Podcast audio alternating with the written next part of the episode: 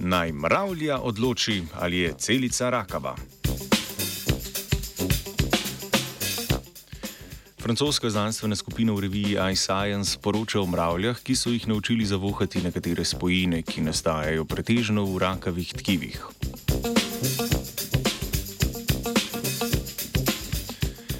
Za rakave celice je značilna nenormalna celična rast, ob njihovi hitri presnovi pa kot stranski produkt nastajajo večje količine hlapnih organskih spojin, ki lahko služijo kot biomarkerji za diagnosticiranje raka. Organske hlapne spojine je moč zaznati z metodami kot je plinska kromatografija ali z umetnimi vohalnimi sistemi, vendar pa za zdaj rezultati teh analiz niso dovolj natančni. Po drugi strani so se v milijonih let evolucije pri nekaterih živalih izoblikovali izjemni vohalni sistemi, z njimi pa lahko v kompleksni mešanici vonjav zaznajo že zelo nizke koncentracije snovi. Številne študije opisujejo pse kot primerne za zaznavanje hlapnih organskih spojin, ki nastajajo v rakavih celicah. Ker pa je v primerjavi s psi žuželke mogoče enostavno gojiti v nadzorovanih pogojih, so poceni in imajo prav tako dobro razvit vohalni sistem. Je znanstveno skupino zanimalo, ali bi lahko za ta namen uporabili tudi mravlje.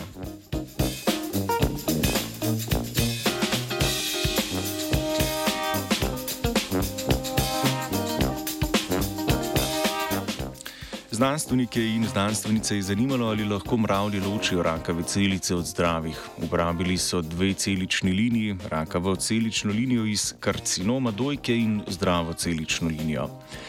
Mravlje so v dveh ločenih skupinah navajali, se pravičujem, na von rakavih ali na von zdravih celic.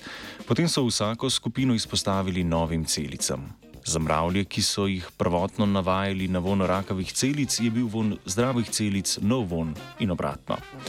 V bližini vonja, ki so mu bile izpostavljene na začetku, so preživele bistveno več časa, kar dokazuje, da lahko ločijo rakavo celično linijo od zdrave in obratno, ter da to sposobnost pokažejo po preprostem protokolu učenja, klasičnem pogojevanju.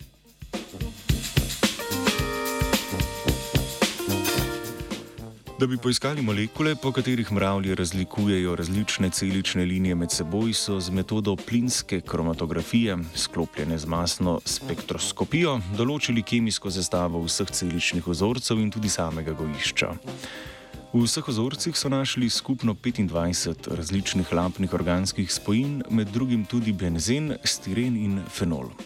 Za rakave in zdrave celične linije ter gojišče so bili značilni različni vzorci in količinska zastopanost hlapnih spojin, kar so mravlje zaznale in na podlagi tega razlikovale med rakavimi in zdravimi celicami.